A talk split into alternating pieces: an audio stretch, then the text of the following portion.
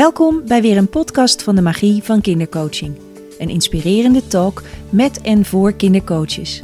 We delen onze persoonlijke verhalen en nemen je mee in de wereld van kindercoaching. We vertellen je over onze groei en ontwikkeling, onze frustraties en valkuilen, onze missie en passie, de keuzes die we hebben gemaakt en natuurlijk nemen we je mee in de huidige ontwikkelingen. Kindercoaching is een beroep waarin je niet alleen kinderen coacht, maar ook hun opvoeders meeneemt in een persoonlijk coachproces. Een duurzame manier van begeleiding en zorg voor het welzijn van kinderen en ouders, maar ook voor onze toekomst. Want de kinderen van nu zijn de volwassenen over 30 jaar en nemen dan beslissingen voor onze samenleving. Als zij zich nu al bewust zijn van zichzelf en de wereld om zich heen, kunnen ze alleen nog maar groeien en keuzes maken vanuit een krachtige verbinding met zichzelf en de ander. Mijn naam is Jeanette van Kuik en in de podcast van vandaag neem ik je mee op avontuur in de magische wereld van kindercoaching. Heel veel luisterplezier.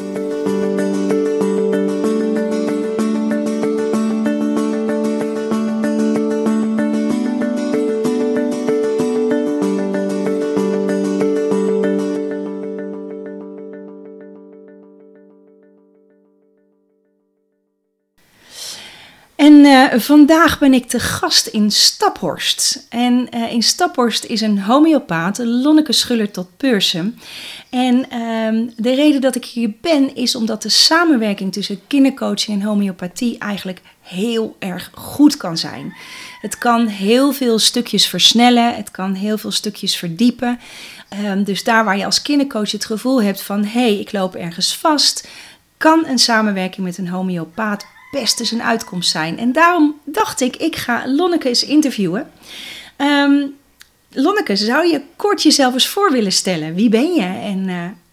Nou, ik ben uh, Lonneke Schuller tot Peursem en op een uh, vrij vreemde manier toch hier in dit dorp Staphorst, waar ik overigens toch wel mijn hart aan heb verpand hoor. terechtgekomen, inmiddels ben ik 70 en um, doe nog steeds praktijk. Kan me ook niet voorstellen dat het ooit een keer ophoudt. Dus zolang mijn hersens het nog blijven doen, zal ik bezig zijn met homeopathie. En uh, ja, dat is, uh, dat is gewoon een enorm belangrijk onderdeel uh, van mijn leven. Zit in mijn bloed, denk ik, ja. langzamerhand. Um, dan zul je een groot aantal jaren geleden zijn begonnen met homeopathie. Een van de eerste vragen die ik altijd stel is: hey, wat wilde jij vroeger worden toen je klein was? Ik wilde vroeger dierenarts worden. Want ik heb een hele grote band altijd met dieren. Ook nu nog zijn ze eigenlijk niet weg te denken uit mijn leven. En um, door omstandigheden, namelijk, ik was niet zo heel erg goed in exacte vakken. Um, is dat er niet van gekomen? Ben ik via het studeren, uh, ik heb een tijd fysiotherapie gestudeerd, heb bij mijn ex een, een uh, fysiotherapiepraktijk gehad. Dat was lang geleden allemaal. En uh, mijn ouders gingen met mij altijd al naar een homeopaat als regulier de problemen niet werden opgelost. Dus dan reden wij van Limburg naar Baren en dan gingen wij naar dokter Polderman. En dan was altijd de oplossing daar. Dus in mijn systeem heeft homeopathie altijd een, een plaats gehad. En ik ben op een gegeven ogenblik homeopathie gaan studeren. Toen was ik, denk ik, 33. Ik denk, dat ga ik doen. Ja. En dat is eigenlijk voor het eerst ook dat ik uh, bezig ben gegaan met iets wat mij eindeloos blijft boeien. Het, is, het verveelt me nooit. Het is altijd anders. Het is altijd een uitdaging. En um, ja, dit is de liefde van mijn leven qua werk. Oh. Ik maar zeggen. Hè? Maar als je zegt, het blijft me eindeloos boeien. Het is altijd ja. anders. Ja. Wat, hoe? Vertel. Nou kijk, het is natuurlijk zo dat uh, elk mens is anders. En, en de homeopathie kijkt altijd heel erg uh, individueel. Die ziet niet zozeer van, oh, die heeft een, een blaasontsteking. Dat hou je wel in je achterhoofd. Maar wie heeft nou die blaasontsteking? Wat zit erachter? Wat is er gebeurd? Uh, en, en je hebt dus elke keer weer een nieuw, uh, een nieuw verhaal. En uh, natuurlijk zijn er dingen waar je op uh, ruggenmergniveau op kan reageren. Ik bedoel, -hmm. als je bent gevallen, Arnica, daar hoef je eigenlijk niet over na te denken. Hè, of er is iets met een pees, een acute toestand, huppakee. Dat zijn de dingen die, die, die kun je dan eigenlijk bijna zo even uitdelen, weet je. Ja. Maar gaat dat verder, dan is het, is het detective werk. Oh ja. Dat is detective werk. Ja. En dat vind ik leuk. Ja. Weet je, Ja, ik kom wat- natuurlijk ook al jaren bij jou in de praktijk. En ik weet ook altijd dat als wij dan een gesprek hebben gehad, dat is niet ehm, zoals in de re- reguliere, zeg maar bij een huisarts heb je zeven minuten, geloof ik. Bij jou zitten we zo een uur te praten, omdat je ook al heel veel vragen wilt weten. Ook wilt weten Ja. eh, de hoed en de rand en hoe slaap je en nou, al, die, al die dingen. Ehm, en daarna zeg je altijd, nu ga ik er eens even over nadenken. En dan begint jouw speurwerk. Ja, dan Dus- begint mijn speurwerk. En eh, dat is niet. Ik bedoel, er zijn ook. eh, ik heb ook collega's die, die kunnen meteen een, een middel eh, aan iemand geven. Maar op de een of andere manier werkt dat niet voor mij. Ehm, ik merk wel naarmate natuurlijk je, je ervaring groeit. Dat je sneller denkt van, oh, ik ga dit doen, dat doen. Mhm. Maar ik moet heel vaak, wil ik het gewoon zo helemaal uitdiepen. En eh, ja, dan ben ik na het consult eh, nog wel even bezig. En ehm, ik heb op het ogenblik voor mijn gevoel best wel gecompliceerde gevallen. Nou, dan, ga ik, dan moet ik gewoon ga ik fietsen of zo, weet je. Denken, denken, denken van, hoe tikt dat nou? Hoe, hoe, hoe, zit dat nou in, in iemand in elkaar? Ja, ja.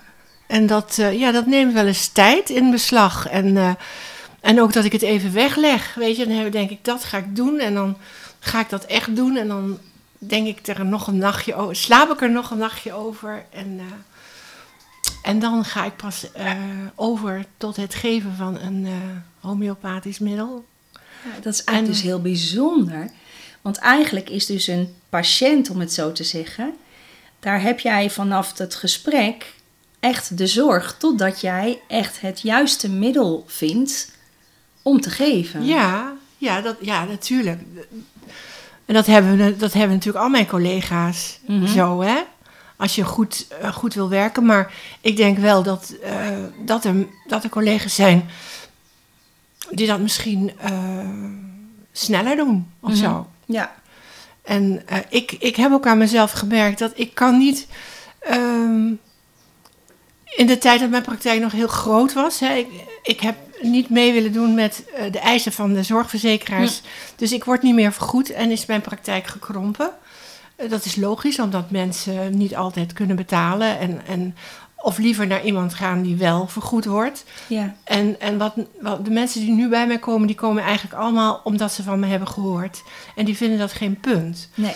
Uh, maar ik heb gemerkt toen mijn praktijk dus nog groot was, dat als ik vier patiënten op een dag heb, dan ben ik gewoon helemaal, Ja. helemaal aan het eind van mijn Latijn. Weet Ja. je? Dus ik, ik, ik heb collega's die kunnen acht patiënten doen op een dag. Dat, dat trek ik gewoon niet. Nee. Dat, dat, dat is mijn uh, ding niet. Weet je? Dus ik, Ik, ik zie gewoon anders. iemand. Ik zie iemand die met hart en ziel zich verbindt met de patiënt. Ja, maar ik denk de- niet, ik denk niet dat, dat de anderen dat niet doen. Maar nee, maar mijn, ehm, mijn input. ehm, ik heb het ook heel moeilijk altijd gevonden om. ehm, om vijf uur de deur achter me dicht te trekken, Hmm. weet je? En dat, het, dat ik dan denk, ik heb het werk gedaan, klaar. Mensen blijven altijd nog in mijn hoofd. ja. En zeker kinderen. Ja. De kinderen, de- als, als ik eh, zieke kinderen in de praktijk heb, dan, dan blijf ik heel alert van, zal het vannacht goed gaan? Oh ja. Weet je, Ja, ja, ik- je ik blijft ermee verbonden. Ik, ik kan het niet zo goed van me afzetten. En ja, dat is mijn. Daar is niemand bij gebaat natuurlijk eigenlijk. Nee. Want eh, ik bedoel, eh, ja. Dat moet je eigenlijk ook niet zo zijn. Er wordt je geleerd dat je gewoon objectief en, en kan zeggen stop, weet je. Nou, dat stop kan ik wel beter, maar het, het zit niet echt helemaal in mijn systeem. Nee. Dat is ook waarom ik zo graag bij je kom. Echt. Want ik, ik ga even terug in de geschiedenis. Ehm, er was een moment. eh, ik ben eh, zeg maar christelijk opgevoed. En homeopathie viel in mijn kringen onder het stukje zweverig occultisme, noem het maar op. Dus ik heb me daar nooit in verdiept. En mijn zoon Pepijn, die had elke keer snotneuzen, snotneuzen, snotneus. Die bleef maar snotterig. Hij had zijn, ehm, eh, volgens mij de amandelen er al uit. Ja, want alleen Mike heeft ze er nog in, ja. Eh, en ehm, toen kreeg ik via via op het schoolplein toe van ga eens naar een homeopaat. Nou, alles in mij dacht nee, nee, nee, dat ga ik niet doen. Nee, ga nou eens, ga maar eens. Ik dacht, ach ja, weet je, baat het niet, dan schaadt het ook niet. Maar ik, had er vrij, ik was er vrij sceptisch over. Omdat ik natuurlijk ook, Hmm. als je het internet gaat uitpluizen... dan als je de negatieve berichten wilt, eh, wilt vinden, dan ga je ze Ja. zeker vinden. En eh, ik heb de toen nog gouden gids gepakt. En daar stond een rijtje homeopaat. En ik heb mijn ogen dicht gedaan. Ik heb mijn vinger heen en weer gedaan. En mijn vinger bleef steken bij jou. Dat was dan toevallig in Staphorst voor ons op dat moment in de buurt. En ik heb een afspraak met jou gemaakt. En jij gaf Pepijn een wit korreltje. Onder de tong of op de tong, weet ik veel wat er moest. En eigenlijk na twee of drie keer dat korreltje te hebben genomen, zag ik mijn kind opknappen, al na het eerste korreltje. Daar waar de huisarts met antibiotica kuren maar pappen en nat houden was, was bij jou eigenlijk gewoon gebeurde er iets. En toen kregen we het over onze dochter, Maaike. Eh Maaike die had epilepsie door achteraf bleek vaccinaties. En ook Ja. daarmee waren we bij jou in eigenlijk de beste handen. Ehm, dus er ging een wereld voor mij open. En ehm, dat is hoe ik dus ook bij jou terechtgekomen ben. En hoe wij ook Mhm. zijn gaan samenwerken. Ja, ja, ja. Nou ja, voor mij was het ook eigenlijk het eerste begin, zo'n beetje het eerste begin, eh, dat ik weer met kinderen ging werken. Mhm. Want al de tijd daarvoor had ik toch, als ik kinderen in de praktijk had, ehm, ja, dan kwamen er dingen op mijn pad en denk ik, ehm, weet je, moeders die gewoon wilden werken in plaats van bij hun zieke kind zijn. En ik kreeg er zo genoeg van dat ik denk, ik ga helemaal geen kinderen meer doen. En dat is ook heel lang zo geweest. Er kwamen alleen maar volwassen mensen in mijn Mhm. praktijk. En toen kwam ik jou tegen. toen kwam, maar toen was ik ook een beetje meer op de oma-leeftijd, weet je. Nou ja, en ik denk ook, ik snap werd je heus- wijzer, weet je. Dan, dan, Ja. Ik was toen... Ja, toen was ik gewoon best wel heel zwart-wit achteraf, denk ik, hè? Nou ja, en eh, ook vanuit een bepaald standpunt ja, natuurlijk. Ja, ja, Van hé, hey, een ziek kind, het is niet zo, hier is de ziekte, ik lap het op en we kunnen weer door. Nee, er moet veel meer ja. gebeuren. En, eh, en, en, ja, en ik had toen natuurlijk ook kinderen in die leeftijd. En eh, ik kon er niet zo goed, daar kon ik niet zo goed mee overweg. Nee. Ja, wel met, met mijn eigen kinderen, Ja, ja. maar met de situaties. Nee. Dus ik had toen zoiets van, laat dat maar even gewoon niet gebeuren. En nou, dat is ook zo gegaan. En toen ik jou leerde kennen, toen, ja, ja, toen zijn we samen gaan werken. En toen, maar toen, ik, ik heb het wel eh, ook gedacht van... Toen heb ik met mijn eigen kinderen natuurlijk heel veel ervaring opgedaan. Ehm, en ik was ouder en wijzer geworden. Mm. en nu nog ouder en wijzer. En nu nog En eigenwijzer ook natuurlijk, want dat, dat, zo ken ik je ook wel. ja. Eh hey, wat kan, eh, wat kan een homeopaat eigenlijk voor kinderen betekenen? Met wat voor, wat, wat kom je allemaal in de praktijk tegen? Ik kom echt eh, in, in, sowieso niet alleen met de kinderen, hè, maar gewoon wat er in de praktijk komt. eh, dat, dat is echt, dat zijn allerlei lichamelijke dingen. Eh, de oorontstekingen, de vaccinatieschades, de gedragsproblematieken met kinderen natuurlijk ook eh, heel Daarmee veel. bedoel je ADHD, ja, ja, ja, ja, ja, ja. En, enzovoort, enzovoort. En ehm, de, de, ook, ook eh, de psychische problemen van volwassen mensen, de mensen met blaasontstekingen, mensen met sniersteken, nou, noem maar op. Het kan eigenlijk, het kan van alles zijn. Het kan van alles zijn. Dus dan heb je het over fysieke klachten Ja, fysieke en krachten gedragsproblemen. en, en, en emotionele, mentale problemen. Ah, kijk. Ja, ja. Ja. Er, komt, er komt hier van alles binnen. ja. Ook mensen die zeggen, ja, we zijn bij een psycholoog geweest, we weten wel hoe het nu werkt. Maar wat, wat ik nou moet, weet je, Hmm. ik weet nou wel wat er aan de hand is, maar hoe ik het op moet lossen of hoe ik ermee, dat weet ik niet. Dus er komt van alles binnen. Er komt van echt van alles binnen. En ehm, er komen ook dieren binnen, Ja. want ik heb eh, eh, altijd ook dieren behandeld in, in de praktijk met homeopathie. Ik heb ook 13 jaar lesgegeven op de academie voor natuurgeneeskunde afdeling dieren. En ehm, daar kan ook van alles mee aan de hand zijn. En zelfs de wijngaard in Balkbrug, daar gebruiken we homeopathie. Dus Ja. met planten kan het ook. Weet je, ik heb ook eh, de buxus behandeld tegen de, hoe noem je dat beest? Ja, de Buxusmot. Ja, dus. en ik heb de straat hier eh, tegen de ehm processierups. Oh ja. En dat zijn allemaal hele grappige dingen. Want er kwam iemand langs van eh, bomencontrole. En die zei, goh, aan de overkant van de grote weg stikt het van de uh, processierupsen. En hier is er nauwelijks iets aan de hand. Mhm. Ik zei, nou, die hebben we met homeopathie gedaan. Ja, maar ja, weet je, we hebben Ja, ook... leg het eh, maar eens uit. het maar eens uit. En we hebben ook, eh, eh, hoe noem je dat? Kastanje, die kastanjeziekte Ja, eh, behandeld op de weigaard. Want dan zijn veel kastanjebomen.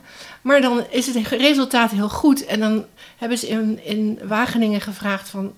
eh, als, je, als mensen eh, resultaten hebben ergens mee, laat het weten. Nou, we horen nooit wat terug. Nee. Weet je, het is homeopathie. Oh, oh, oh. Ja, jammer hè? Dat is zo jammer. Ja.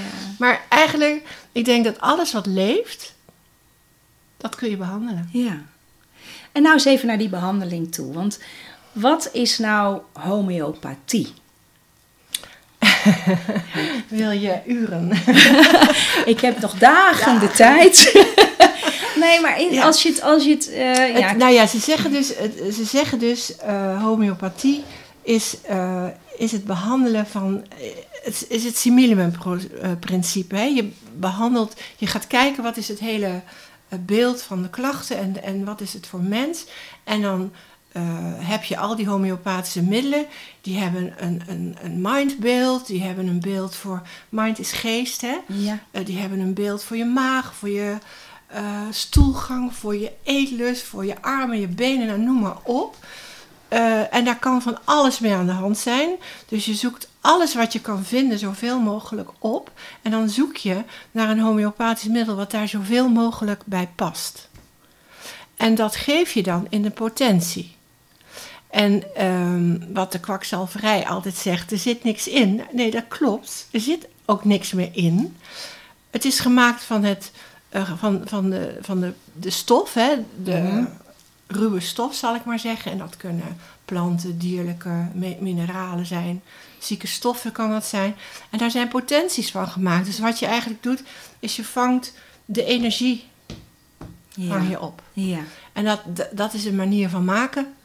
En eh, nou, dat, eh, als je het allemaal zelf wil doen, dan moet je heel lang schudden en eh, weer verdunnen en weer schudden. Ja, ja, Dus dat wordt gedaan. Maar wat je dus eigenlijk doet, wat, ze, wat, wat homeopaten zeggen, ziekte is een ehm, energetische verstoring. Hmm. En dus moet je het aanpakken met een energetisch iets. Ja. En dat doe je met homeopathie. ja. En een energetische verstoring als in ik ben een mens. Ik, ik heb Jij bent, al- jij bent een bol energie, je zit Ja. in een bepaalde verpakking. Ja. Hè? Maar eh, als die verpakking wegvalt, is jouw energie, Ja. Weet je, die is er. Ja. Energie gaat nooit verloren, zeggen Nee. ze. Hè? Nee. En eh, als het dus daar iets in verstoord is, dan krijg je symptomen. Ja. Je krijgt hoofdpijn, maagpijn, Ja. eh, eh, kanker, noem maar op. Weet je, er kan van alles misgaan. En dat zit hem dus. Het is een verstoring in energetische verpakking. Ja. En dan moet je daar dus met energie tegenaan, zal ik maar zeggen. En dat wil niet zeggen dat ik de reguliere eh, helemaal wegzet hoor. Want dat, die zijn ook nodig. Mhm. Hè? Wij kunnen niet opereren. We kunnen hoogstens proberen te voorkomen dat het gebeurt. Ja, ja, ja. Weet je? Ehm, maar ze, ze hebben zeker, eh, zeker ook hun, hun, hun nuttige en, en, en goede zaken. Maar wij kijken naar gehelen, naar het Ja, geheel. ja. En dat is het verschil met, met hoe er regulier Ja. gekeken wordt. Hè? En dan snap ik ook dat je echt even moet studeren op het moment dat dus een, eh, een patiënt bij jou in de, in, in de ruimte, of tenminste dat je een gesprek mee hebt gehad. eh, dan heb je heel veel informatie, maar dan moet je kijken naar wat is de energie en welke energie gaat daarin helpen. Ja. Zie ik het zo goed? Ja, ja, dat zie je zo goed. En soms ben je er ook de eerste keer echt nog niet achter. Nee.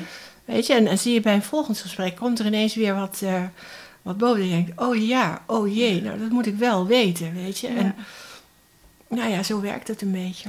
Ja, ik vind dat weer leuk. ehm, en zo meteen kom ik nog even op die potenties terug. Maar door alle gesprekken met jou in de aantal keren dat ik hier geweest ben, maar ook mijn kinderen, heb ik mezelf ook beter leren kennen. Omdat jij net die vragen stelt waar ik echt over moet nadenken. Want daar ga ik, denk ik normaal niet over na. Slaap ik op mijn linker of rechterzij? Uh, ja, geen idee.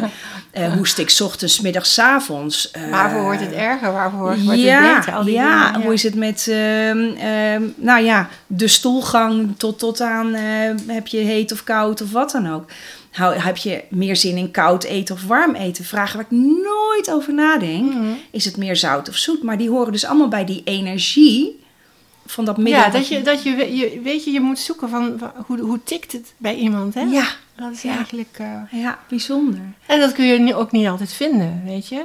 Soms dan... Uh, lig je in wanhoop met je hoofd op het bureau. Van die ingewikkelde patiënten die je nu hebt. hey, uh, een potentie, ik weet wat het is. Maar kun je eens uitleggen aan, aan iemand die totaal niks weet van homeopathie? Nou, je, een potentie is eigenlijk... Uh, die, die, ontstaat door schudden... Uh, door verdunnen en schudden. Ja. Dus, en je hebt, je hebt de depotenties, dat is vaak wat je koopt in eh, bij de, bij de ja, metrogist en zo, Hè, die, die zelf doen dingen. zijn vaak D. Dat is een verdunning van 1 op 10. Ja. En dan moet er zoveel geschud. Dan heb je een D1. Ja. En dan wordt het een D2 door weer die D1 te pakken, ook weer 1 op 10. En dan weer te schudden, blablabla. En zo ga je van 2, 2 naar 3. Nou, en dan heb je de C-potenties. Ja. Dat is de 1 op 100. Ja. En dan heb je de LM. Mm -hmm. En de LM die... Uh, ja, dat is via een, een, een, uh, een omwegje van tritureren. Dat, dat, ja, dat, dat, dat voelt allemaal ver. Ja. Uh, maar dan zit je op de 51.000. Ja. Dus um, wat, ik, wat ik eruit oppik is dat, dat je eigenlijk um, heel laag... Uh, heel weinig begint, zeg maar. Met het ja. heel weinig toevoegen van een middel. En dat voer je dan op. Klopt dat? Heb ik dan... Ja, ja je, uh, je kan een grote ha een handvol van iets nemen en dat ja. 1 op 10 verdunnen. Weet ja. je, dat kan ook. Je kan ook iets weinig. Dat, het gaat om, uh, om de verhoudingen en om het aantal schudslagen ertussendoor. Want door het schudden uh, activeer je die energie om verder ja. te gaan. Ja. Maar in patiënten, als ze reukdoseringen krijgen, moet ook altijd even schudden voordat ze eraan beginnen. Ja. Je hebt het over reukdosering. Uh, vertel, wat is dat? uh, Haneman, dat is degene die de homeopathie op de, in de wereld gezet heeft. Hè? Die, heeft uh, pas, die is heel oud geworden. Hmm. En uh, die heeft dus heel veel werk verzet. Die is geloof ik 283 geworden. En in zijn laatste druk, zal ik, de laatste druk van zijn standaardwerk, ja. daarin stond dat de snuifpotenties, de ruikdoseringen, eigenlijk de meest um, fijnzinnige manier zijn om een homeopathisch middel toe te dienen. Omdat je neus uh, zo ontzettend gevoelig is. En want wij ruiken mensen al op 20, 50 meter afstand. Ja. Maar dat weten we helemaal niet meer, nee. weet je. Maar je neus is dus heel gevoelig. En uh, dat laatste werk is heel lang onder... Uh, is weggeschoven geweest omdat zijn nakomelingen allemaal ruzie hadden en bla bla bla. Mm -hmm. En dus daarvoor werden gewoon korrels gegeven. Ja. Dus met die korrels, uh, daar zijn eigenlijk alle die stop je in je mond. Die stop je in je mond. En laat je, hè, er zijn eigenlijk alle, alle homeopaten zo wat mee opgegroeid tot een aantal jaren geleden. Is dan dat laatste werk uh, verschenen.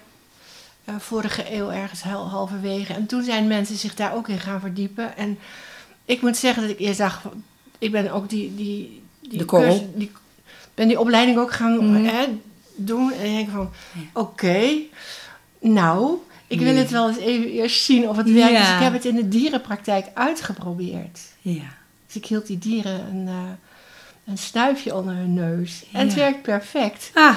Want ik dacht, ik moet in Staphorst wel zeker zijn van dat het echt werkt. Want anders dan gaan ze er gewoon niet meer mee. Nee. En, uh, nou, nou, en wij zijn natuurlijk gewend om iets te krijgen ja. wat we in onze mond stoppen. Ja. Of ja. als met een naald in onze... Ja. en het stuiven is natuurlijk zo makkelijk. Want je hoeft geen rekening te houden dat je een half uur van tevoren of daarna niet moet eten. Nee. Weet je, je kunt gewoon uh, baby's onder hun neus houden. Ja, hoor, uh, dieren onder hun neus houden. Het is heel makkelijk. Is heel ik makkelijk. kan je nog wel wat leuks vertellen. Want Maaike had vratten. En toen zei, oh, daar kan ik ook wel wat mee. Dus toen had ze had je ook een snuifpotentie. Maar die moest ik Mijke geven. En ik had een vrat al nou, voor mijn gevoel eeuwen op mijn teen zitten. En ik heb Mijke elke keer dat snuifje gegeven. Maar blijkbaar kreeg ik er zelf Nee. ook iets van mee. Want die frat verdween. Ja. Dat was zo, ja, per ongeluk leuk. Maar klopt, ja. ja. dus ja, de neus het, werkt, het werkt gewoon heel goed. Ja. En eh, ik, ik werk er eigenlijk ook heel veel mee. Ja, Ja. Met, de, met de snuifhortensies. Ja, ja. Ehm, als we kijken naar kinderen, ehm, dan ga ik toch ook even terug naar mijn eigen kinderen en dan met name naar mijn eigen dochter. Waar we echt mee gedokterd hebben. Zij heeft eh, epilepsie, eh, had ze. En uiteindelijk kreeg ze depakine voor het onderdrukken van de epilepsie. En dat was echt wel zoeken. En toen vertelde jij van ja, maar met homeopathie kunnen we er iets mee. Ehm, grote kans dat het door de vaccinaties komt. Dat noem je vaccinatieschade. Ik wist tot dan toe niet van het bestaan, had er nog nooit van gehoord. Ehm, heb jij veel kinderen in je praktijk die hier symptomen van laten zien? En wat zijn dan die symptomen? Ja, ik heb heel veel kinderen in de praktijk eh, en ook in de praktijk gehad. Eh, met problemen die, die terug te voeren zijn op de vaccins. En eh, ik heb gemerkt dat het voornamelijk voorkomt bij kinderen die een gevoeligheid hebben. Ook omdat er in hun voorgeschiedenis, want dat is iets waar je ook altijd in de homeopathie naar vraagt, ehm, best wel ernstige dingen zijn. Bijvoorbeeld er zijn hart- en vaatziekten. Of er is een vader die autistisch al een beetje Dus autistisch met de is. voorgeschiedenis Bij de bedoel bij de ouders? Bij de, ouders, voorouders. De voorouders. Weet je, Hmm. dat daar al, al dingen in zijn die, die eh, kunnen triggeren. En, Ja. kin- en mensen gevoeliger kunnen maken eh, voor het oplopen van schade eh, door dingen. En ehm, wat ik heel veel heb gezien na, na de vaccins, is, nou dat gaat echt van ja, de, de vrij onschuldige, zet ik even tussen aanhalingstekens, dingen als oorontstekingen, keelontstekingen, de al- algehele malaise. eh, dat kinderen gewoon erg, nooit ergens goed doorheen rollen. Hè? Mhm. Ehm, tot eh, nou ja, de epilept, epilepsie. ehm, stoppen met groeien heb ik ook al een paar keer gehad. Dat Hmm. een kindje echt. Nou, dan staat gewoon de, de ontwikkeling stil. Het kindje wordt niet groter. Wordt, nou, dat soort dingen. En, en ook heel veel gedragsproblematieken. Heel veel gedragsproblematieken. Ja. En dat noemen ze dan ADHD. Of geef het maar. Weet je, geef, Mhm. geef het maar een naam. Interesseert mij op zich helemaal niet. Maar je hebt de, de, de, die diagnoses nodig om van gedachten te wisselen, zal ik maar zeggen. Ja, ja, ja, Maakt ja. mij eigenlijk allemaal niks uit. Ik vind het ook heel vervelend om een etiketje op een kind te plakken. Ja, omdat elk etiketje ook weer zoveel Ja. verschillende symptomen heeft. Ja. En weer bij dat kind weer ja, anders. Ja, ja. Maar goed, je hebt wel een kijkrichting.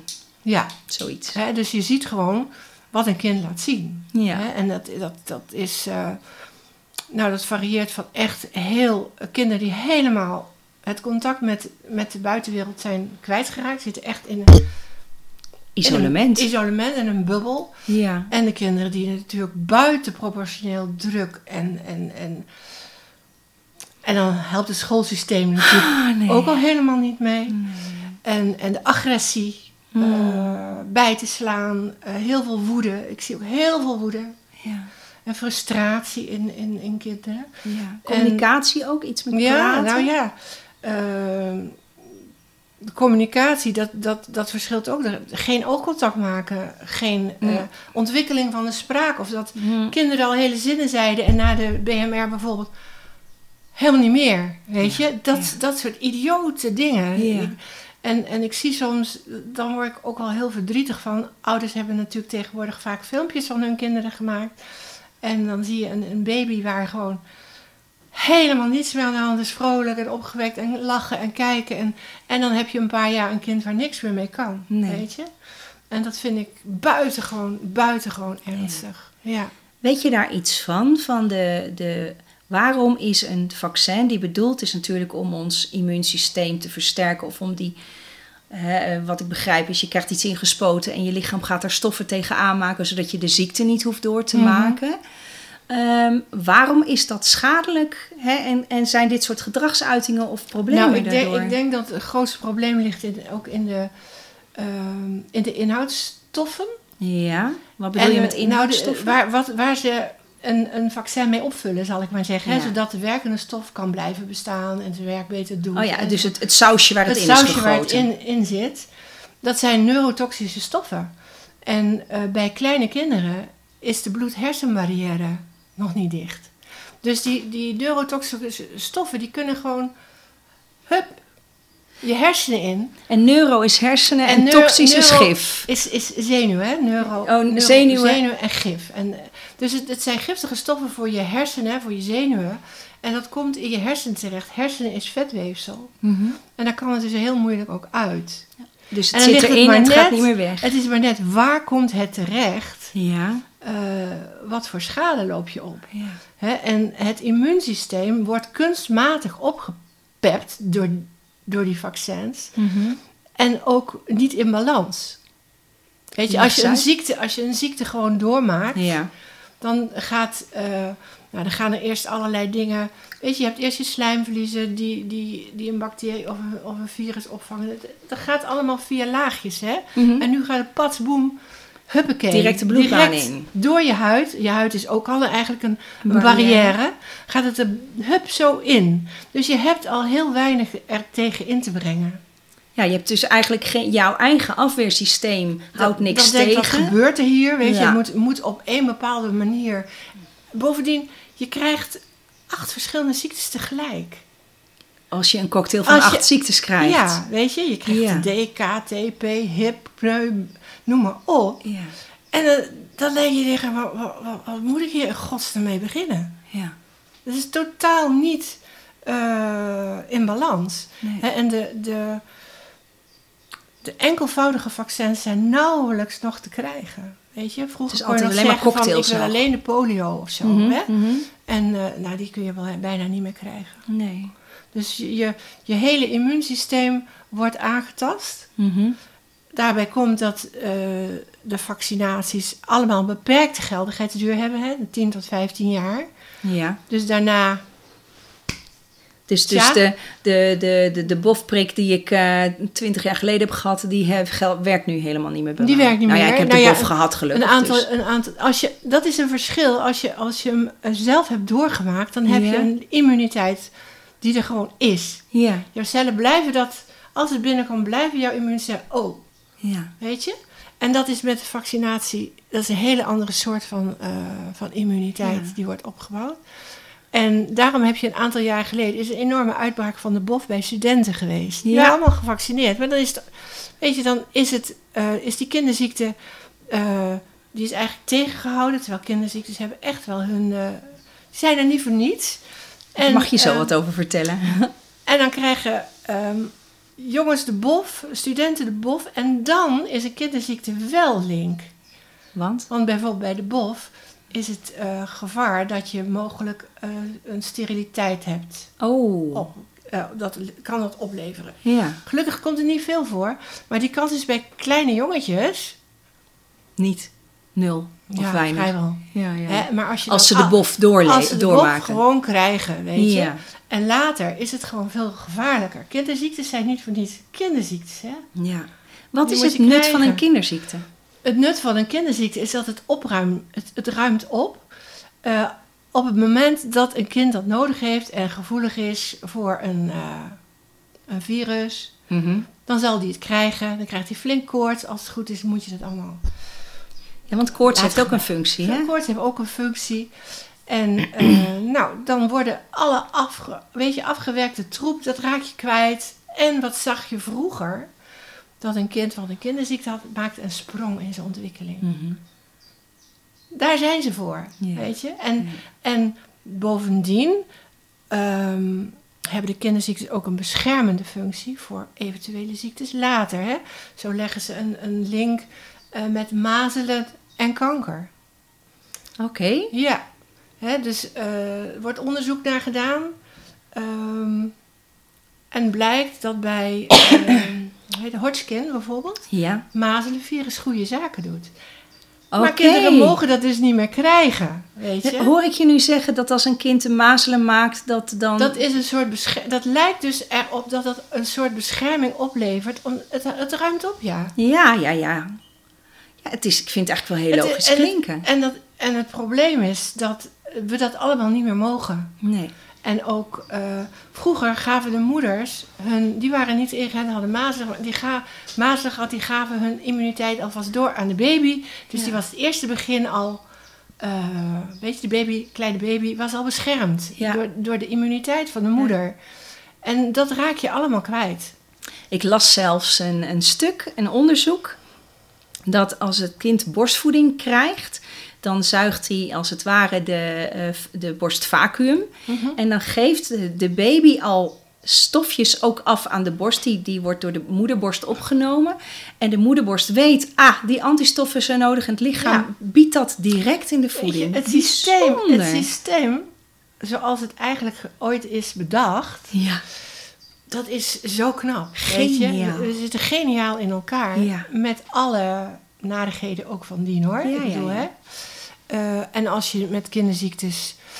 Ik, ik ben nu dat boek, eh, dat boek aan het vertalen van Raising a Vaccine-Free Child van Ja. Lenny Little. Dus het zit nu in de fase dat het nog allemaal een keer moet worden doorgespit door een eindredactie. Daarin staat hoe ga je met zo'n kind om? Hoe, ga je, hoe behandel je een kind met mazelen thuis? Mm, mm. Eh, met de bof. Wat mag je vooral, waar moet je op letten? Wat moet je niet doen? En dat zijn de moeders van nu, die weten die dat weten niet dat meer. allemaal niet meer. Terwijl de moeders van toen. Ik weet dat ik, eh, weet je, mijn vriendinnetje had de mazelen en ik moest er maar gaan spelen, Ja. want dan kreeg ik het ook. Ja, ja, ja. Dus zo, zo werkte het vroeger. en, en, en natuurlijk kun je met, eh, kunnen er com- complicaties eh, Ja. zijn. Ja. Hè? Maar over het algemeen, bij, bij gewoon gezonde kinderen, is er, is er weinig aan de hand. Hmm. Dat ze gewoon inderdaad goed koorts mogen, moeten kunnen krijgen. En vooral veel tender loving care. ja, Dat wat, is- er- wat door onze rust. huidige economie Rust. De kinderen Ja. moeten gewoon rust, Rustig, regelmaat. Ja, en, en iemand in de buurt waar ze van houden. En of Ja. dat nou een, iemand is die altijd op ze past, of een moeder, of een vader, of Ja. oma, doet er niet toe, maar dat is wat nodig is. Ja. hey, ik, ik heb ook wel gehoord, ehm, want toen de vaccinatie opkwam, is het, het sterftecijfer wel drastisch gedaald. Dus ehm, is dat een conclusie dat vaccins ook hebben meegeholpen aan het ehm, gezonder houden van mensen?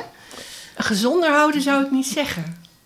Ik denk, eh, het- als je kijkt naar de statistieken, is het eigenlijk zo geweest dat er al in de infectieziektes, hè, en dan hebben we het over infectieziektes als polio, eh, waar je eigenlijk, dat, dat, dat wil ik scheiden van de kinderziektes. Ja, Kinderziektes zijn Is iets anders als, als een infectieziekte. als ja. infectieziektes. Maar daar was al een hele grote daling aan de hand. Dat kun je vinden op eh statistiek als je daar gaat, naar gaat kijken. ja. Eh, dat, dat, dat zakte al enorm, gewoon Voor de vaccinatie voor de vaccinatie uit. Maar hoe dan? Al omdat er enorm veel eh, aandacht werd geschonken aan hygiëne. Aha. En dus dat ging al heel erg naar beneden.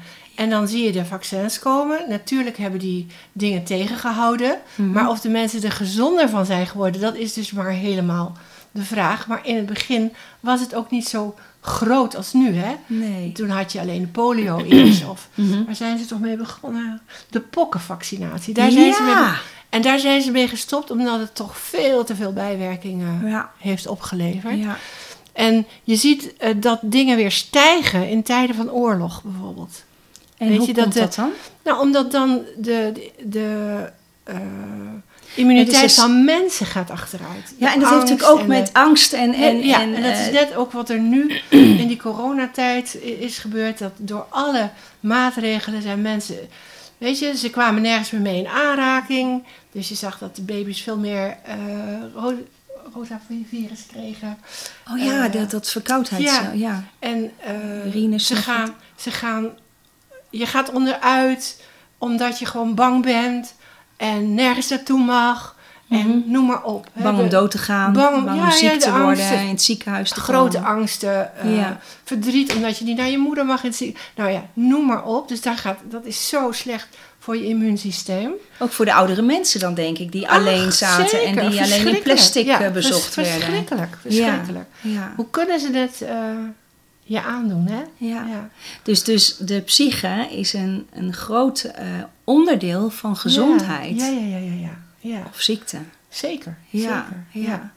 Ehm, even terug naar ehm, de, de kindervaccinatie, we het over gehad. Van, hey, dus eigenlijk hoor ik je zeggen, is hygiëne eh, heeft een hele grote rol gespeeld.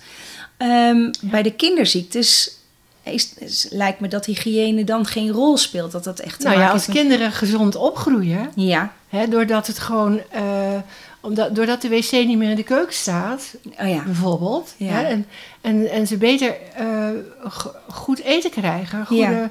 En dat is natuurlijk eh, nu ook wel een beetje minder aan het worden, omdat eh, je voedsel anders wordt geproduceerd. Ja, veel pakjes en zakjes en Ja, e-stoffen en dat soort dingen. Ja. ja. En nou, dat maakt allemaal dat kinderen gewoon een gezond kind zijn. En dan kunnen ze de mazelen krijgen. Hoeveel er ook gevaccineerd wordt tegen mazelen. Hij is er nog steeds hoor. Ja, mijn Nog zoon heeft het gehad na de Nog vaccinatie. steeds zijn er Ja. uitbraken overal. Ja. Zelfs in landen waar 98% gevaccineerd is. Hup, Ja, toch weer de mazelen. mazel, weet ja. je. Dus ehm, Gelukkig maar dat hij nog bestaat. Want als ik je nou hoor, is... weg. Nee, Hij en hij weg. heeft een functie. Hij heeft een functie. Je Ja. zou haast zeggen van ik hoop dat al mijn kind alle, alle ziektes gewoon krijgt.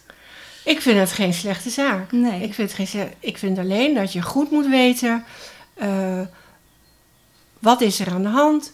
Ontspoort het niet, weet je? Hou Mhm. je kind heel goed in de gaten. En eh, dat is wel belangrijk. Dat het blijft drinken. Ja, hè? En, en dat het... eh, ja, dus dan, dan, dan moet je de ziektebeelden... Dat, dat hoop ik dan met dat boek straks ook, ook een beetje te kunnen verspreiden. Dat de Ja. ziektebeelden ook duidelijker zijn. Ehm, want ik, ik, ja, ik durf het niet met zekerheid te zeggen... maar ik denk dat er heel weinig huisartsen nog een mazelenpatiënt hebben gezien. Ja. Nou, ik weet dat toen Tijmen de mazelen had, toen hij jong was, heeft de huisarts foto's gemaakt. Want hij had in jaren Ja. niet zo'n klassiek geval Ja, gezien. ja. En het was echt helemaal klassiek mazelen. ja, ja. Terwijl hij al gevaccineerd en al was. Dus eh, Dus Ja, nou, ja. ik vind, ehm, weet je, er is een, ehm, er is een homeopathische prophylaxe eh, voor ziekten. Eh, wat is een profylax? dat is om het te voorkomen. Ah ja, Om te voorkomen dat. dus eigenlijk is het... eh, Maar Ja. ik vind dat voor de kinderziekte niet prettig. nee. Dus als ou- ouders komen hier om te vragen van... Goh, ik wil, ik wil niet vaccineren, maar ik ben toch heel bang voor polio bijvoorbeeld. ja. Nou, dan gaan we sowieso uitleggen van hoe zijn de risico's nu eigenlijk, hè? Ja. Uh, want ik bedoel, een baby die gaat echt niet in een roestige spijker trappen. Dus waarom Nee. zou je een baby tetanus Ja. geven bijvoorbeeld? ja, en die krijgt een baby wel. Krijgt de baby wel. En eh, dus dan bespreken we dat hele verhaal van eh, waar zijn nou de angsten van de ouders en wat is reëel. En Mhm. denk er maar over na. En hoe is de gezondheid van je babytje? En eh, nou, dan, dan kan er dus een homeopathische plan gemaakt worden. Maar ik doe dat niet voor, graag voor kinderziektes. Nee. nee. Omdat die zo die functie hebben Omdat voor, ik het- vind dat, ja. voor de gezondheid, ook op Ja. oudere leeftijd. Kijk, en het, en het is helemaal niet eh, de moeite waard om polio te krijgen of zo. Nee.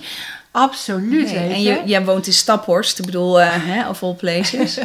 En het heeft ook geen zin om, om difterie te krijgen of zo. Nee. Weet je. En kinkhoest, kinkhoest is er nog steeds, hè, want die, vac- Mhm. die vaccinatie werkt heel slecht. Oké. En eh, daarom dat ze dus nu eh, zwangere vrouwen vaccineren tegen kinkhoest. Dan denk ik, hoe haal je het in je hoofd? Weet je, we moeten gezond eten als ze zwanger zijn, niet drinken, niet roken. En je propt er wel zo'n vaccin in met alle kwalijke Ook die stoffen. van- neurotoxische ja, stoffen. Ja, ja. Hè, dus een kinkhoest is heel goed te behandelen met homeopathie bijvoorbeeld. Ah ja. Je ja, ik weet het. We zijn Dus, ook al bij eh, geweest. Maar het, het vereist een, een, een andere mindset, weet je. Denkomslag. Ja, je moet Ja, gewoon ja. anders gaan leren denken. En dat is niet simpel. Nee, nee. Dat is voor En dus ook mensen- anders gaan kijken naar ziekte en gezondheid. Ja. Wij zijn nu, zeg maar, de huidige generatie is opgevoed met ik ben ziek, ik ga naar de dokter, ik krijg er iets voor en het gaat over. De dokter maakt mij beter. Ja, Ehm, ik, ik heb toch, weet je, ik, ik wou het er eigenlijk niet over hebben, maar ik voel zo de neiging om ook eens te kijken naar hoe het op dit moment is in onze huidige maatschappij. We hebben het over 2022 en we zitten nu hopelijk na de hele coronaperiode, maar er zijn twee jaar lang ehm, is er gepromoot op die coronavaccins, ook bij jonge kinderen. Ik durf het haast niet te vragen, maar heb jij nu al patiënten die ja. Oké. Ik heb uh, de jongens. Nou, ik heb dus niet uh, nog geen hele jonge kinderen gezien, want ik denk dat daar ouders toch wel mee uitkijken. Nou, ik hoop het. Ja. Maar ik heb wel uh, 17 en 16-jarigen in de praktijk. En wat laten ze zien aan beelden? Waar lopen ze tegenaan? Een hele grote vermoeidheid. Die niet, die, ze zijn doodmoe. Dat, dat en zijn is ze dat eigenlijk- door corona of door de vaccinatie? Nee, dan hebben ze de, vaccina, de vaccin Het vaccin gehad, ja. Althans ja, niet ja, het vaccin, maar het ja. mRNA-ding. En, en überhaupt wat ik zie in... in eh, eh, ik heb dus al meerdere corona-vaccinpatiënten gehad. Ja. Of nu onder behandeling. En het is voor ons ook maar kijken van... Want dit is, Jullie weten hier nog niks dit is, van. en dit is ook geen traditioneel eh, vaccin. Hè? Het is een gen-geval. Ja, maar zie je Ja. dan ook dat de... de ik, zie de neurolo ik zie neurologische klachten. Ik en- zie en dat Waar moet ik dan aan denken? Nou, mensen die bijvoorbeeld eh, ineens niet meer eh, rechtuit kunnen lopen. Oh. Of die zich voortdurend duizelig voelen. Ja. Of die rare di- eh, tintels hebben in hun armen en benen of zo. Hm. En ehm, ik heb ook een paar eh, mensen die ik echt al jaren niet heb gezien... Die, die vroeger in de praktijk kwamen met reuma en één met ziekte van Crohn. ja. Het is heel goed gegaan en nu is de gedonder weer begonnen. Oh, dus ze zijn weer terug bij af. zijn weer terug bij af. En eh, daar, het, dat is ook een, een van de dingen van, die, van, die, eh, van deze prikken. Is dat je, je auto-immuunsysteem wordt heel erg eh, aangetast. En bij Ja. elke prik die je neemt, is het risico groter. Groter. Dus ik, ik maak me er vreselijk veel zorgen over. En eh, ook wij, weet je, met de traditionele vaccins weet je van we moeten ontgiften en met vitamine C en noem maar op, hè, detoxbadjes voor kinderen, Mhm. noem maar op. Dan kan je de stoffen kwijt. Ja. En, maar dit is een ander verhaal. ja. En eh, ja, Want wat, ja ik, heb, ik heb ook iemand die nooit iets aan zijn longen gehad en twee weken na het vaccin een longontsteking heb je wat gedaan. Niks bijzonders. Hoe kom je ineens aan hoe komt een volwassen mens ineens aan een longontsteking? Ja. Zomaar out of the blue, ja. weet je? Ja.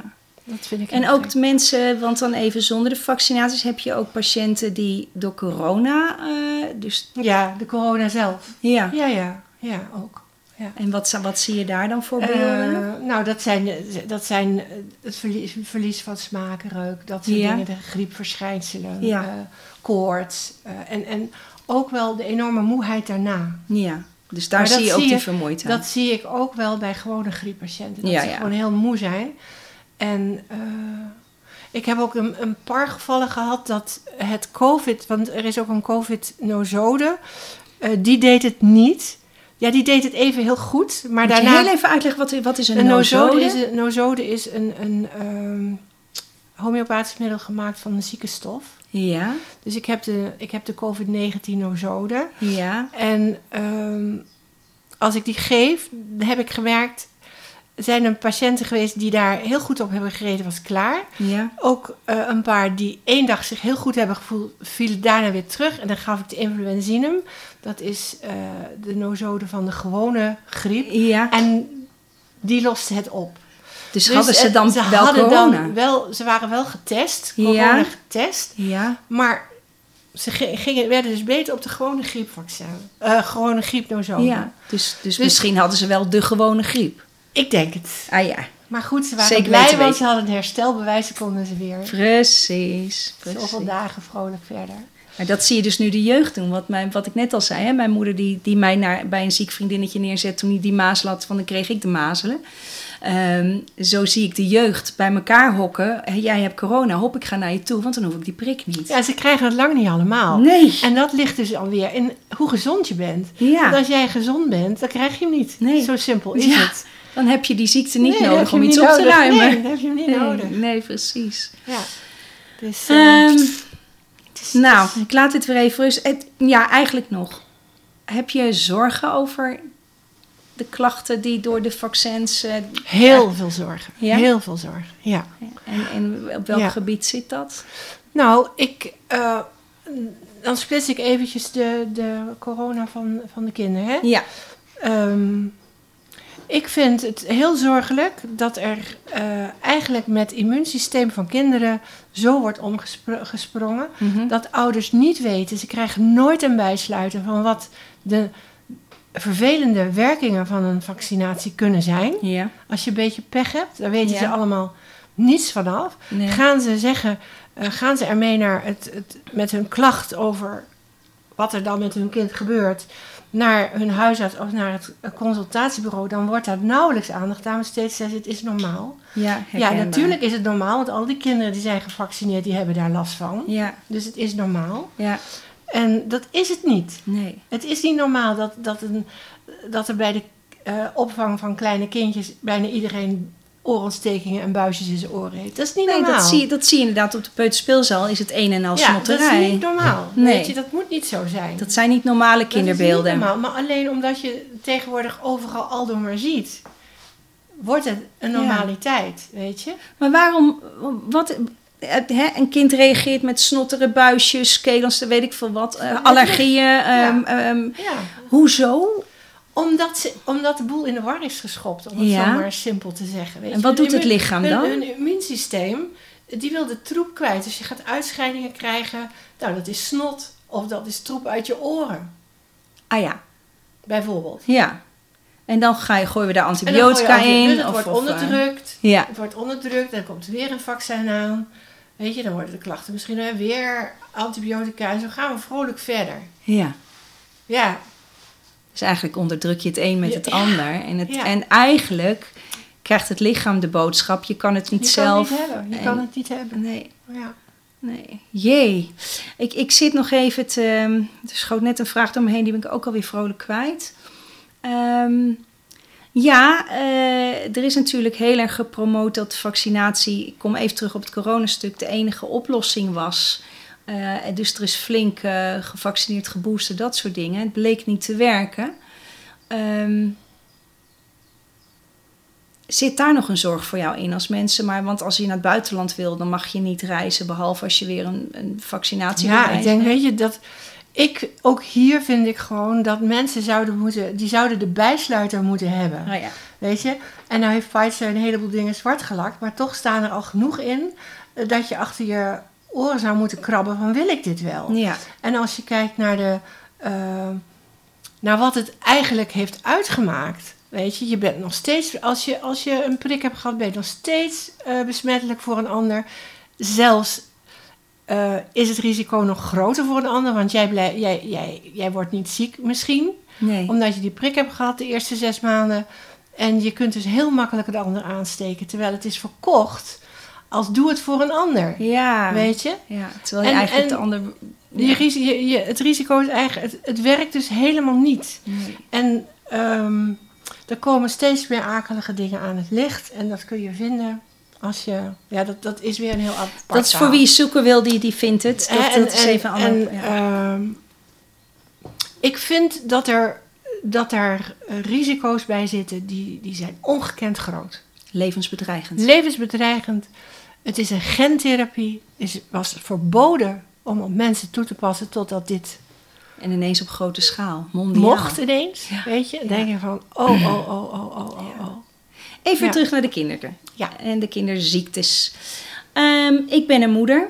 En ik heb jonge kinderen. En ik heb ze laten vaccineren. En ik herken ineens van... Ja, mijn kind is eigenlijk na dat vaccin heel erg moe. Ja, en dan? Wat kan... kan, kan als ik dan naar een homeopaat stap... Wat kan een Dat lijkt me een goed plan. Ja, dat is een heel goed plan. Dat ben ik ook met je eens. Maar, maar wat, wat ga je dan doen als zo'n vaccin al in dat lijf zit? Nou, dan ga je hem dus, je gaat ontstoren met het, met het gepotentieerde vaccin, want die Ja. hebben we inmiddels eh, allemaal. Ja. Eh, zelfs als een combi, wat heel fijn is, omdat eerst moest je alle... Alles apart. Ja, dat hebben we met Mijke gedaan. Dus nu, is, Jaar nu heb je de combinaties van de combi-vaccins hebben, hebben we. Dus dan gaat het allemaal sneller. En nou, dan, heb je, dan doe je op een bepaalde manier een kuur. Ja. En daarnaast geef je kinderen extra vitamine C, visolie. Als er een bad in huis is, eh, om, om de huid te helpen, een detoxbad. eh, waar ze Ja, de, Dat via de huid afgescheiden dat, kan dat, worden. dat ja. allemaal. Nou, en dan ga je gewoon kijken wat gebeurt er. En, en soms, eh, nou, dat, dat moet je niet ehm, sommige, ik, ik lees het wel eens op, op Facebook, waar ik trouwens nou weer 30 dagen van ben afgelegd. Ehm, dat je, het, dat je nou, hè, wat kunnen we daar verkopen of zo, maar het zijn processen die ook problemen kunnen opleveren. Mhm. Dus je moet er wel kijk op hebben eh, wat je dan moet doen. Je moet, soms is, is de reactie te heftig, dan moet je daarmee aan de slag. Soms moet je eh, toch nog ook gewoon homeopathie, gewone tussen haakjes, Ja, ja. eh, inzetten om, om... Weet je, het moet geen leidersweg zijn, nee, het ontstoren. het ontstoren. Want dat kan het zijn voor ouders en kind. Het is Ja. een klus hoor, als het even... Ik weet er alles van. We hebben een jaar gedokterd, of ja. nee, niet gedokterd, Ja. maar gehomeopaat met ja, Mijke. Ja, was, eh, en, en dan moet je echt, een kind moet er... Ja, het kost gewoon... Het is erin niet, is makkelijker dan eruit. Juist, ja, dat is eh, goed gezegd. Ja, Ja. ja. Erin is Nou ja, en dan, eh, weet je, het, het zijn tegenwoordig ook vaak optellingen van Mhm. oxytocine bij de bevalling. Die, die, nou, dat, dat kan ook nogal leuke, maar niet heus, resultaten opleveren in een kind en in de moeder ook trouwens. Ja. Eh, nou, heel veel antibiotica gebruik. Soms moet je echt nog wel meer doen als alleen de vaccins. moet En dat is wegnemen. met, met die opeenstapeling Ja, natuurlijk te maken. allemaal Wat kan je lichaam Ja. hebben en waar klapt het om en zegt het van ho tot hier en niet verder. ja, ja, Ja. ja. En bij Mijke dus door epilepsie. En als ik dan, eh, ja, dan zeg ik ook altijd nooit meer één spuit erin.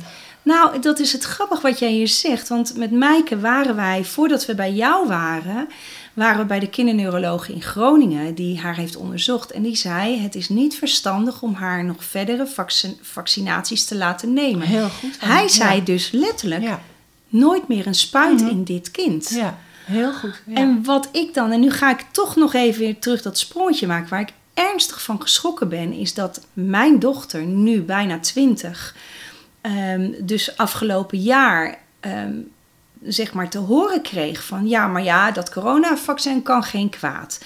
Eventueel onder narcose kunnen we het je toedienen.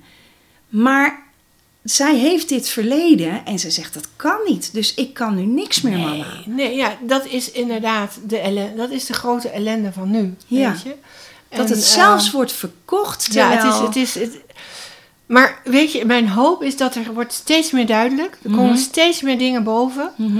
Eh, dus uiteindelijk zal het niet eh, Nee, dit onbekend blijven. nee, Maar de schade die er door is is aangericht is, aangericht. gigantisch. Ja, ja. En het, is, het is verschrikkelijk dat, dat jonge mensen gewoon niet hun leven kunnen doen. En die, die Nee. wij, weet je, de dingen die wij allemaal vrolijk konden doen zonder dat wij nadachten. Ja. Ja. Nou, dan zie, dan zie je dansen met Jansen en dat blijkt dan ook weer niet voldoende te zijn. Weet je, ga maar door. ja. Ik Dus stap er weer vanaf, want ik zit nog even te denken. En Ook, ook leuk voor, voor als je luistert. Ehm, ooit kreeg ik een moeder aan de telefoon van een jongetje, een jongen, eh, basisschool weliswaar. Volgens mij was hij toen 11. En die werd ontzettend gepest. En ik had al telefonisch met die moeder ehm, zoiets van: hmm, er is eerst iets anders nodig voordat ik als kindercoach met, met deze jongen aan de slag kan. Dus ik heb ze naar jou doorgestuurd. Weet je nog om wie het gaat? Nou, ik heb er, ik heb er veel meer dan één. Ja, maar we ooit. Want nou, het was Ja, niet goed voor mijn portemonnee, lieve luisteraars. Want eh, ik heb het kind nooit weer gezien, want het pest hield op. Maar eh, pesten en een homeopaat. Vertel. Nou ja, weet je wat het is? Er zitten twee kanten aan pesten. Je hebt de pester en je hebt degene die gepest wordt. ja, En er zit iets in degene die gepest wordt, waardoor hij gepest wordt. ja.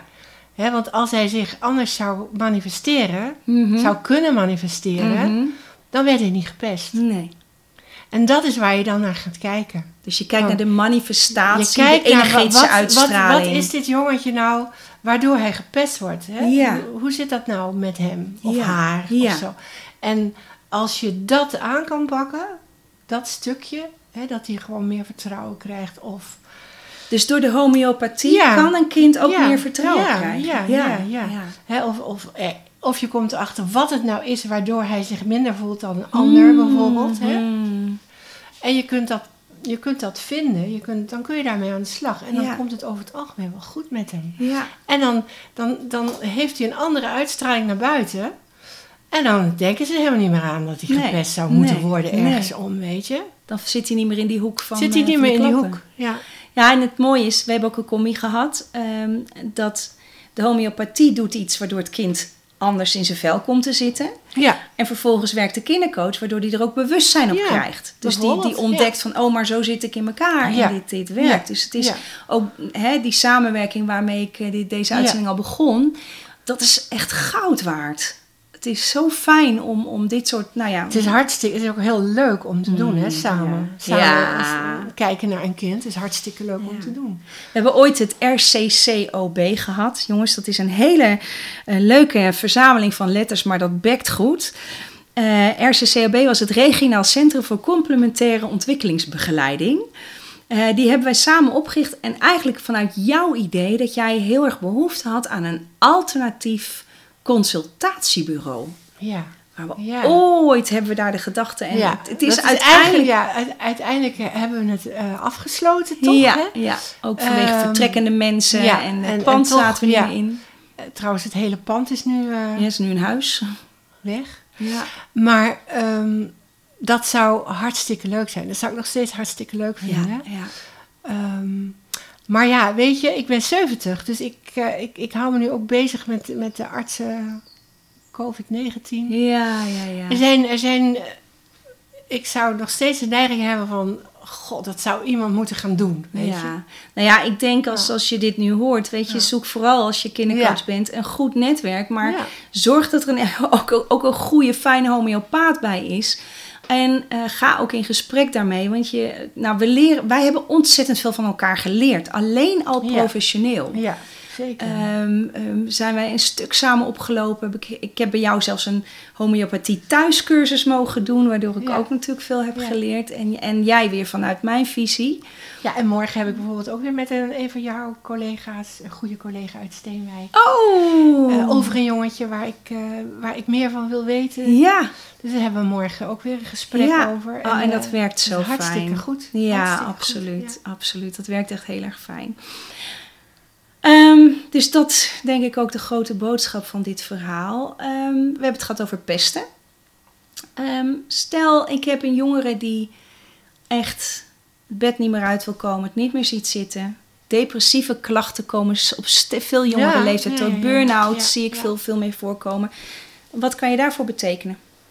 Ja, eigenlijk is het verhaal eh, hetzelfde. Weet je, Hmm. ik heb toevallig gisteren een, een jongetje van 15 de wei weer ingestuurd. Ik noem dan, ik stuur Ja, ja, ja, ja, ja. Die met dit soort klachten eh kon ook niet meer een hele, hele week naar school. Nee. Dat trok hij allemaal niet meer, weet je. En nu gaat het gewoon weer hartstikke lekker. En Mhm. dat is ook weer... eh, waarom raakt een kind in dat verhaal terecht? Hoe komt hij daarin terecht? Wat is het voor jongetje? Eh, nou, dit in dit geval van het jongetje van gisteren, een heel gevoelig kind. Mhm. Heel gevoelig kind. Dus ook prikkels allemaal. eh, nou, en heel onzeker daardoor. En hij is dus anders dan de anderen. Weet je, Ja. hij denkt, het is een denker. Ja. En eh, nou ja, veel kinderen van 15 zijn niet altijd denkers. Mhm. Hè? Dus hij, hij was ook een beetje een apart figuur. Ja. Maar wel diep in zichzelf iemand die alles zelf wil bepalen.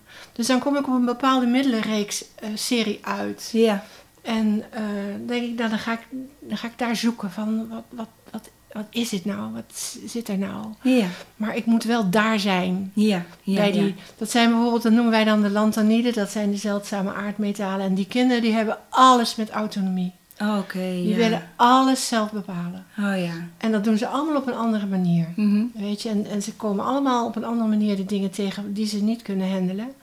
En nou, dan worden ze moe en depressief. Ja. Willen niet meer naar school. Dus dat is jouw puzzel dan dat ook is van dan wat weer is de dit puzzel kind van wat nou? is dit nou? Ja. Dat dit kind, eh, ontzettend leuk kind. Hmm. Ik vind de meeste kinderen ontzettend Ja, ja, ja, ja, ja. Ik ben vaak blij ze nu op te voeden, maar dat is een ander ding. Ja. Ehm, prachtig jongetje. En nu weet hij wat hij wil. Ik Hey. heb hem een half jaar in, in, in, eh, in behandeling gehad. Mhm. Hij weet wat hij gaat willen. Hij gaat niet deze school doen, hij gaat een andere school doen. Oh. Dat wil hij. Oh. Nou, fantastisch. Oh. Ga jij maar lekker. Ja. En als je nog een beetje somber wordt, dan neem je nog weer een keer een snuifje. Ja. En als je me nodig hebt, hoor ik het wel, maar ga jij maar lekker wapperen. Ja. Vind ik Oh, zo leuk. Oh, wauw. Weet je? Vind ik zo leuk. Dus dan heb je eigenlijk over een half jaar tijd van een kind wat nauwelijks een week naar school komt tot een kind die stevig staat en die weet Ja. wat hij wil en die, Ja. eh, die weer grip heeft En op zijn bedoel, het- toekomst. ik bedoel, ik zeg niet dat, dat met al, alles nee, nee. lukt hoor, want het blijft altijd een puzzel. Mhm. Maar het kan heel erg goed gaan. Ja, ja, De mogelijkheid is er in ieder geval, weet je. ja. ja. Eczeem? Ja, eczeem, dat is een lastig geval, omdat eczeem is eigenlijk de beste manier waarop een lichaam kan reageren.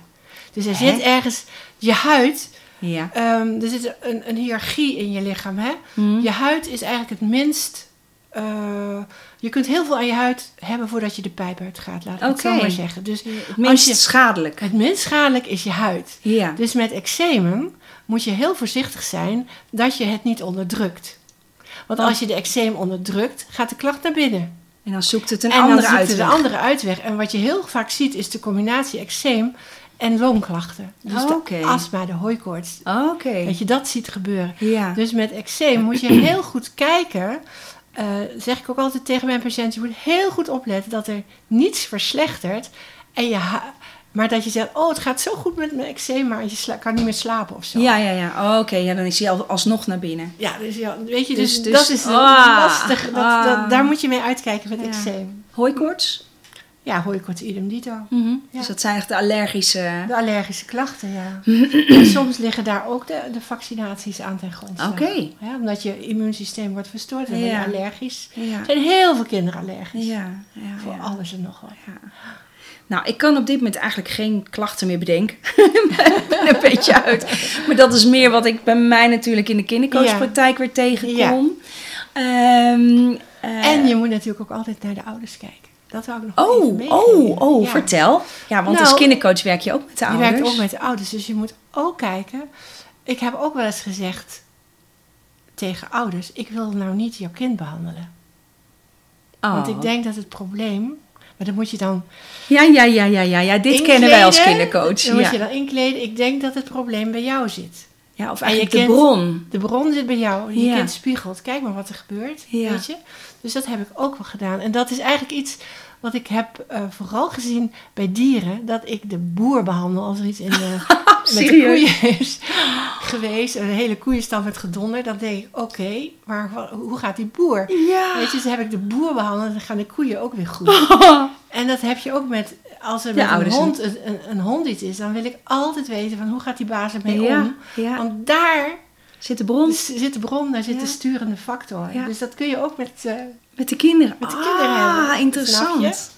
Ja, en dit is ook hoe wij als kindercoach zeker Ja. werken. ja, Dat we zeggen van oké, weet je, wij geven geen tips en advies aan ouders. Nee, we begeleiden de ouders en Ja, we coachen de ouders gewoon in het hele stuk.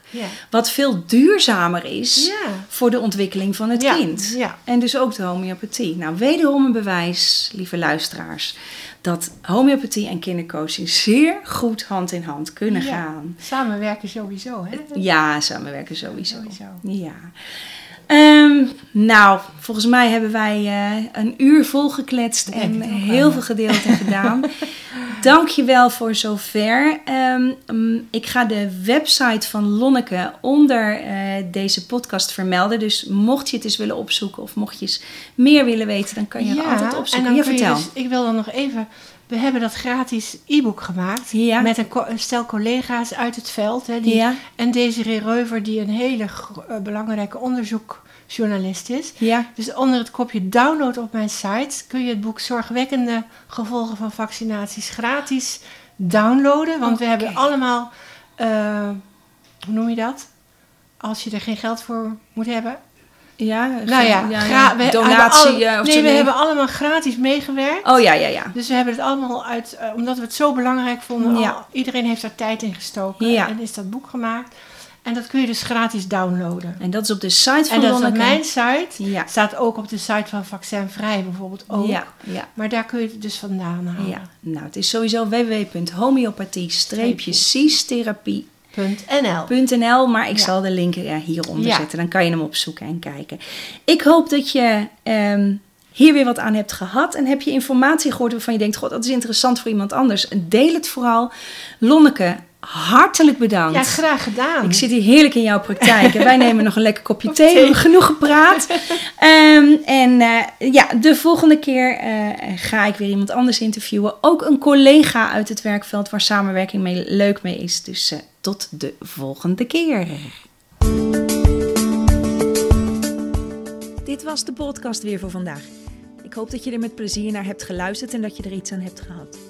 Wanneer je meer wilt weten over mijn werk of de opleidingen kun je kijken op de website.